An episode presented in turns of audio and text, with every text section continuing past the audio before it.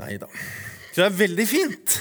Og så var vi veldig glad for at vi fikk mulighet til gudstjeneste i dag og neste søndag. Og neste søndag da er det klokka fem. Og da håper jeg dere kommer, for da skal vi takke av de som eh, skal slutte her i jobben. Det har vært veldig krevende å jobbe med meg, sånn at da, da på en måte forsvinner alle. Og så skal, får vi besøk av selveste Sjømannskirken, representant der, som skal sende familien Terkelsen ut. Og masse mer. Så det blir bra. Klokka fem. Blir ikke det, Torbjørn? Unge Glenna han skal vi takke i slutten av august. 29. august. Så han får dere holde fast i en stund til. Er det greit? Det er bra. Du, hva drømmer du om når du ser et sånt bilde? Tenk, er det, det er kanskje innlysende hva jeg drømmer om, men uh, hva er det du drømmer om? Hva er det liksom du tenker på? Eller hva grubler du over, eller hva lengter du etter? Du vet, I gamle dager, når jeg var ung, så kunne man vinne en drømmedag. Det var sånn konkurranser blant annet i et blad som heter Boeing, og det var konkurranser i, i, i Donald. Man kunne vinne en drømmedag på Old Trafford. Eller man kunne vinne en drømmedag i Dyreparken eller i Tusenfryd. Tenk på det å vinne en drømmedag, en dag hvor alle våre drømmer vil gå i oppfyllelse. Tenk å få en sånn dag. Hvis du skulle hatt en sånn dag, hva ville vært din drømmedag? Hva ville det vært? Som barn så drømmer vi jo om mange ting. Om, eh, drømmer om hva vi skal bli når vi blir stor. Eh, noen drømmer om å bli Supermann. Andre drømmer om å bli politi eller brannmann, eller drømmer kanskje om å få en kjæreste eller kjøre en kul bil. eller de drømmer om mange ting. Jeg drømte om, helt til jeg nesten bikka 35 år, at jeg skulle bli Manchester United-spiller. At en dag så skulle Alex Ferguson ringe og si nå trenger jeg en. Jeg trenger spiss, for nå har van Nistelrooy han har slutta. Og jeg trenger en som kan overta. Han gjorde aldri det. Hva er det du drømmer om? Nå så har jeg drømt lenge om å møte folk igjen. Eh, om å være sammen. Og jeg drømmer om masse ting rundt det. Og så drømmer jeg om en del sånne jordnære ting også. Jeg drømmer at det skal gå bra med barna mine. Jeg drømmer om at de oppgavene som jeg har, at jeg skal få utført dem og bli ferdig. Og så drømmer jeg om at de som jeg er glad i, som har det vanskelig, at de skal få det bra. Og så drømmer jeg jo selvfølgelig, som vi alle gjør, om at pandemien skal gå over. Hva er det du drømmer om? Jeg drømmer mer og mer etter sterke gudsopplevelser. Og jeg drømmer om at den kanalen som går fra mitt hjerte opp til Guds hjerte, at den skal være vidåpen, sånn at jeg kan erfare han mer og mer, oppleve han mer og mer og kjenne at han er her. Og så lengter jeg etter og drømmer om at kirken her skal være full av mennesker som bare lengter etter å oppleve mer med Gud og se mer av Gud og erfare mer av Gud i livene sine. Hva drømmer du om? Og jeg tror det er lov å være uenig med meg i det, men jeg tror at Gud har gitt oss en evne til å drømme og til å lengte etter noe. Jeg tror at Gud gir oss drømmer, og så tror jeg han inviterer oss til å drømme. Og av og til, når vi drømmer, så kan jo drømmene våre føre til bekymring og uro. Andre ganger så kan drømmene våre føre til glede. Og mange ganger kanskje så fører de drømmene vi har, ofte bare til mer drømmer og andre undringer. Og så har jeg lurt på hva jeg vil drømme om når jeg blir 80 år. Hvis jeg blir så gammel, hva kommer jeg da til å drømme om? Hva har jeg liksom drømt om gjennom livet? Hvordan har det vært? Har det vært ulike sesonger? Har jeg endra drømmer underveis? Har det vært delt i faser? Det lurer jeg på.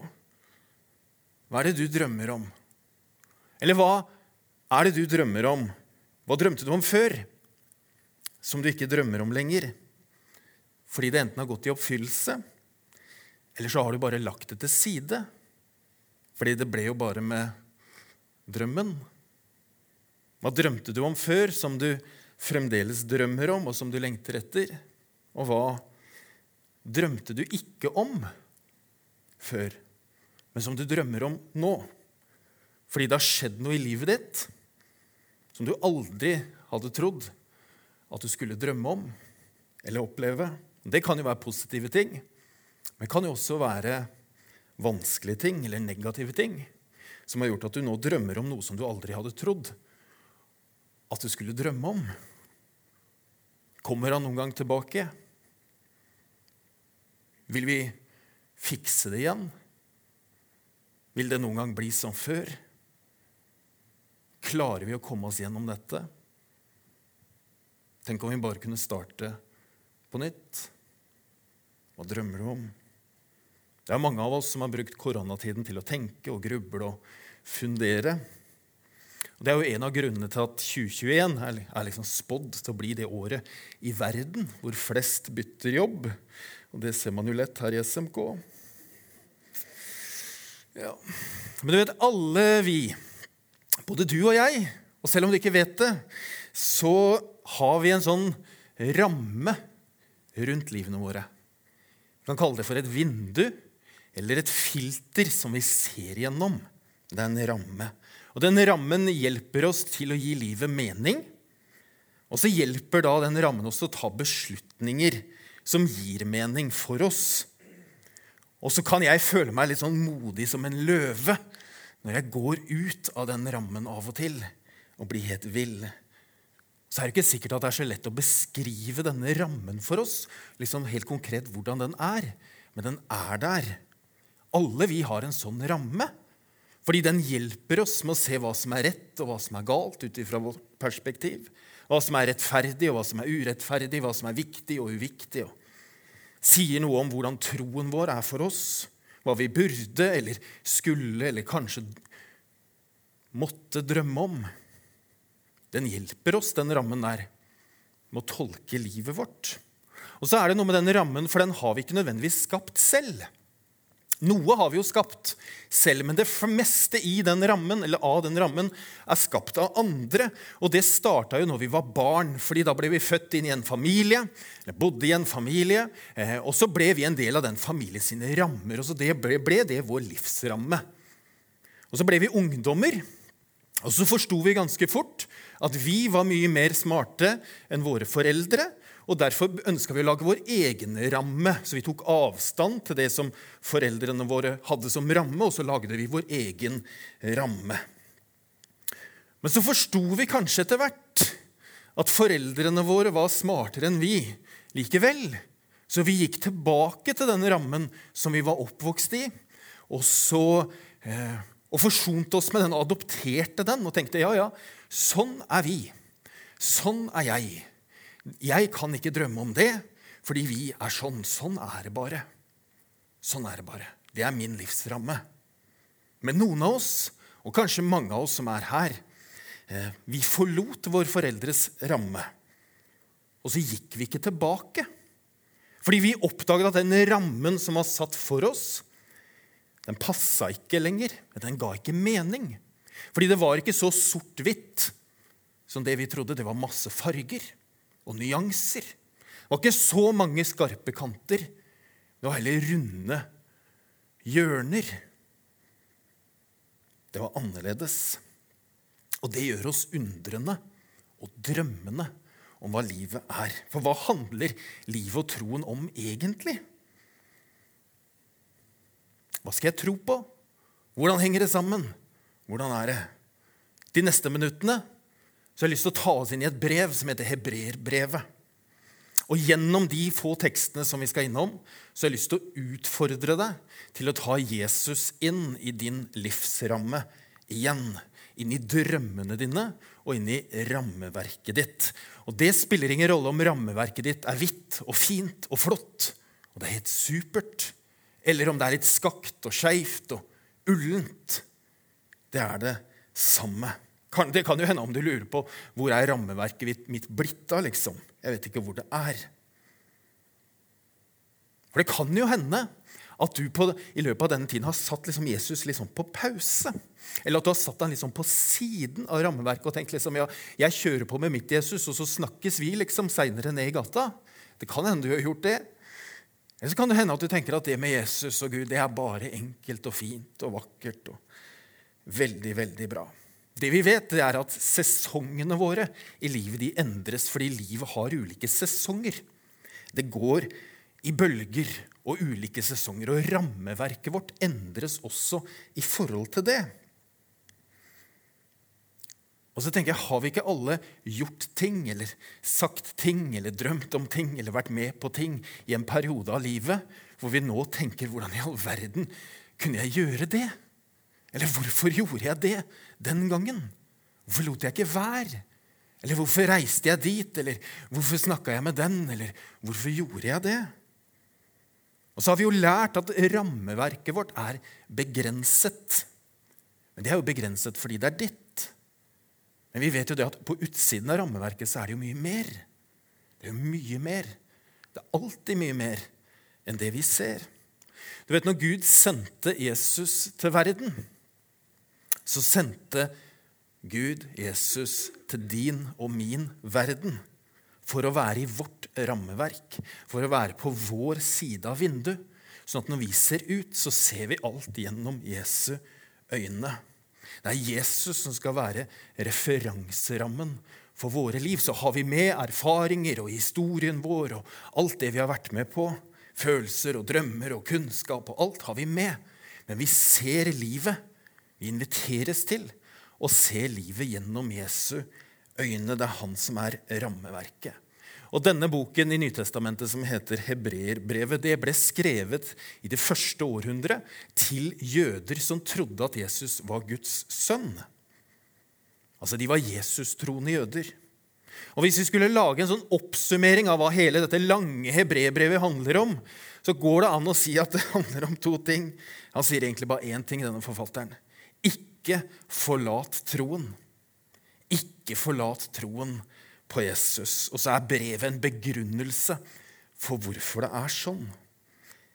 Jeg har tenkt å gå gjennom et par tekster. og Dette er den første. Der skriver han siden vi har en stor øverste prest som har gått gjennom himlene, Jesus, Guds sønn, så la oss holde fast ved bekjennelsen. Siden vi har en stor øverste prest som har gått gjennom himlene, Jesus, Guds sønn, så la oss holde fast på bekjennelsen. Legger du merke til hva han ikke skriver? Han skriver ikke. Siden alt nå går helt utmerket. Siden alt er bra. Siden jeg ikke strever med noen ting. Eller siden jeg har alt jeg trenger, eller siden jeg har løst alle mysterier og funnet ut av alt, siden alle mine drømmer er gått i oppfyllelse, la oss da holde fast på å følge etter Jesus. Det er ikke det han sier. Han sier siden vi har hva da? Siden vi har Jesus, så la oss holde fast på bekjennelsen. Siden det er det vi har, Jesus Kristus, så skal vi holde fast ved bekjennelsen. Og så sier han derfor, når vi har en så stor sky av vitner omkring oss, og Det som har skjedd før i Hebrevbrevet, er at forfatteren han har ramsa opp alle disse trosheltene fra Gamle testamentene, som disse gutta visste veldig godt hvem var. Og så hadde han ramsa opp de. Fordi jødene trodde at Gud skulle gjøre noe stort i verden for hele verden.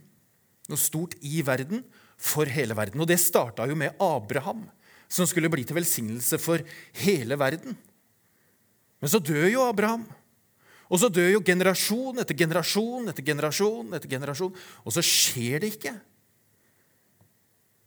Det er som forfatteren sier, dere må ikke gi slipp på den drømmen som Gud har gitt dere. Ikke gi slipp på den. Fordi nå har jo Gud oppfylt denne drømmen gjennom Jesus Kristus. Han har gjort noe for hele verden. I verden. Det er ikke lenger en drøm, det er en realitet. Det er et rammeverk som dere kan forholde dere til, gutter. Og så sier han videre Derfor, når vi har en så stor sky av vitner omkring oss, så la oss legge av alt som tynger, og synden som så lett fanger oss inn. Vi inviteres til å legge av alt som tynger for Jesus og synden som så lett fanger oss inn. Og Det med synd vet du, det er litt vanskelig for oss. Du tenker 'det har jeg hørt før'. Det har jeg hørt så mange ganger. Og fordi du har hørt det så mange ganger, så er det veldig lett å tenke at det kan jeg forholde meg til på bare to måter. Det er mange måter å forholde deg til, det på, men det er to. Det er mange. Den første er jo bare å gå og be om tilgivelse hele tiden. Og tenke 'Gud, tilgi meg for det'. Gud, tilgi meg for det. Gud, tilgi meg for det. Gud, tilgi meg for det. Og så lever vi et liv hvor vi konstant ber om tilgivelse. Den andre ytterkanten handler om å bytte ut hele rammeverket. For du orker ikke å forholde deg lenger til all denne synden.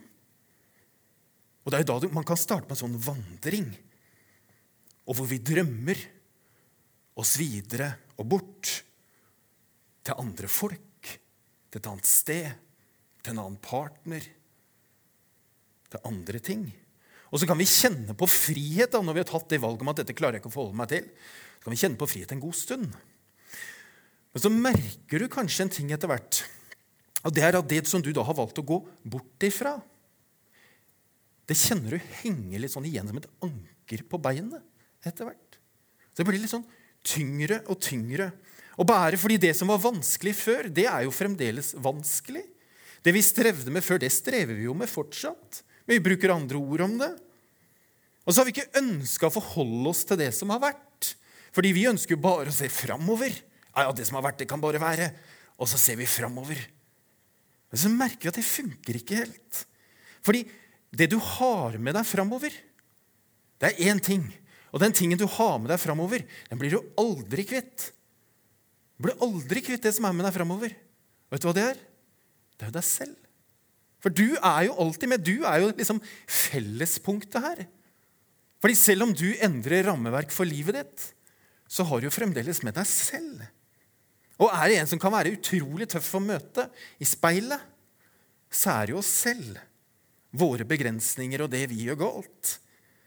Og da er det som at det er noe sånt på innsiden som gjør selv om vi liksom har tatt avstand og liksom tenker dette skal ikke være, så er det fremdeles noe der som gnager. Selv om vi forkaster hele rammeverket vårt. Og så skriver han til slutt. Det står i rødt. Og med utholdenhet fullføre det løpet som ligger foran. Det er det vi har kalt det. Med utholdenhet å fullføre det løpet som ligger foran. Med blikket festet på ham som er troens opphavsmann og fullender, Jesus. Det er som han sier til jødene. Gutter, var jo gutter, eller menn, dere må feste blikket deres, gutter. Dere må feste det skikkelig på Jesus. Dere trenger å se gjennom det rammeverket. Dere trenger å holde ut. For det er lagt et løp for dere, en drøm for dere. Så dere trenger å feste blikket på Jesus. Det er én som har kommet for å være til velsignelse i verden og for hele verden. Kristen tro vet du, det begynte jo ikke med en kirke. Det begynte jo ikke med Bibelen heller. Men det begynte med en person. Og Det betyr jo det at de andre ting, det betyr jo ikke det at de andre tingene ikke er viktige. At kirke og Bibel ikke er viktig. Men det er Jesus som er sentrum. Det er han som er rammeverket. Det er han som er det sentrale. Ikke folka i kirken. Selv om vi kanskje liker de, eller kanskje vi ikke liker de så godt. Vet jo ikke jeg. Eh, nei, men det kan jo hende. Og hvis du leser som jeg ikke klarer å la være å lese kommentarfelt på, på sånne Facebook-sider på nettsider, så handler jo ikke Kirken om hva folka sier eller gjør. Det handler jo ikke om det. Eller hva vi som kirke i stort gjør eller sier. Eller om vi finner svar på alle ting alle drømmer alle mysterier. Alt går opp som i et regnestykke. Det handler jo ikke om det. Men det handler om at du kan, hvis du vil, gå inn i livet med Jesus som rammeverk og se Jesus som det, sånn at han farger dine drømmer. Sånn at alt det du drømmer om i livet, skjer gjennom han. Så står det til slutt Ja, tenk på ham! Ja, tenk på ham. Tenk på ham. Tenk på ham. Tenk på ham som holdt ut en slik motstand fra syndere så dere ikke blir trette og motløse. Tenk på han. Bruk tid på å tenke på han. Vurder han. Tro på Han. Vær sammen med Han, sånn at vi ikke blir trøtte og motløse. Og Det kan hende at du har vurdert, eller vurderer, og i hvert fall etter gudstjenesten i dag når det er så varmt her inne, tenker at ja, når gudstjenesten starter, liksom, vi kan være sammen igjen til høsten, så da kommer jeg nok til å ha en ganske passiv rolle, eller jeg kommer til å, la være å møte opp, eller jeg tenker det er mye bedre å være på hytta, eller sånn, for det, jeg blir så trøtt og motløs av Kirken. Det henger jo liksom ikke sammen lenger, gir ikke mening. Og, fordi vi har forskjøvet dette rammeverket som farger drømmene våre.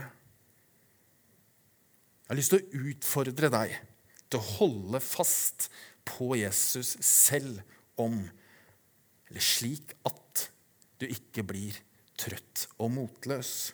For jeg tror det da, at når vi leter andre steder, så finner vi jo andre ting. Men det vi da finner, er jo ikke en sånn motgift mot det å bli trøtt og motløs. Men det er jo heller en forsterkning av både skam, trøtthet og motløshet. Men Gud har plassert seg tenk på det, han har plassert seg på vår side av rammeverket og ønsker å lage et nytt rammeverk for livet vårt som vi kan drømme i, og som vi kan gå med Han i. Det er fantastisk. Jeg har et spørsmål til deg til slutt. Og det er det at hvis du har eh, vandra litt, eller undra deg litt, eller drømt deg litt bort fra Gud og kirke og bort fra Jesus i løpet av det siste året, og nå er jeg usikker på hva du skal gjøre med det, eller forholde deg til det, eller hvordan det ser ut, så er spørsmålet mitt dette. Hva er det som du har fokusert på når det kommer til din tro på Jesus? Hva er det du har fokusert på når det kommer til din tro på Jesus? Hva har vært viktig for deg?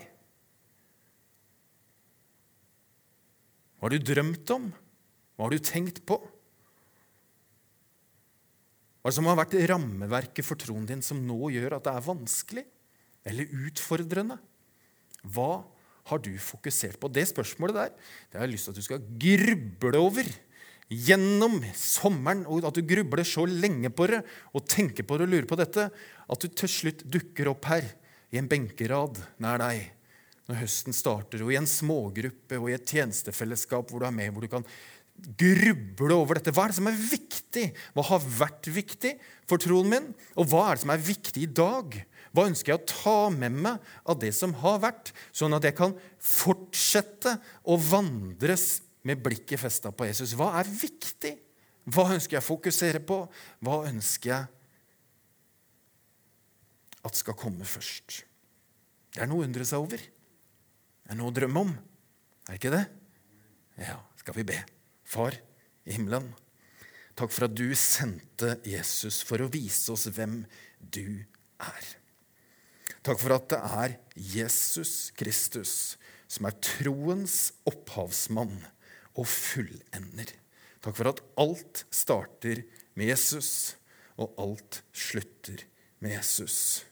Nå ser du, Herre, at vi drømmer om mange ting. Vi undrer oss over mange ting. Vi grubler over mange ting. Og det er også mange ting. Herre, hjelp oss til å ta deg med i alle tingene.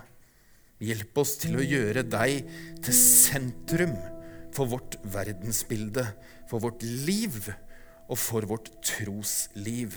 Hjelp oss, Herre, til å fokusere på deg, og vær nådig med oss, Herre.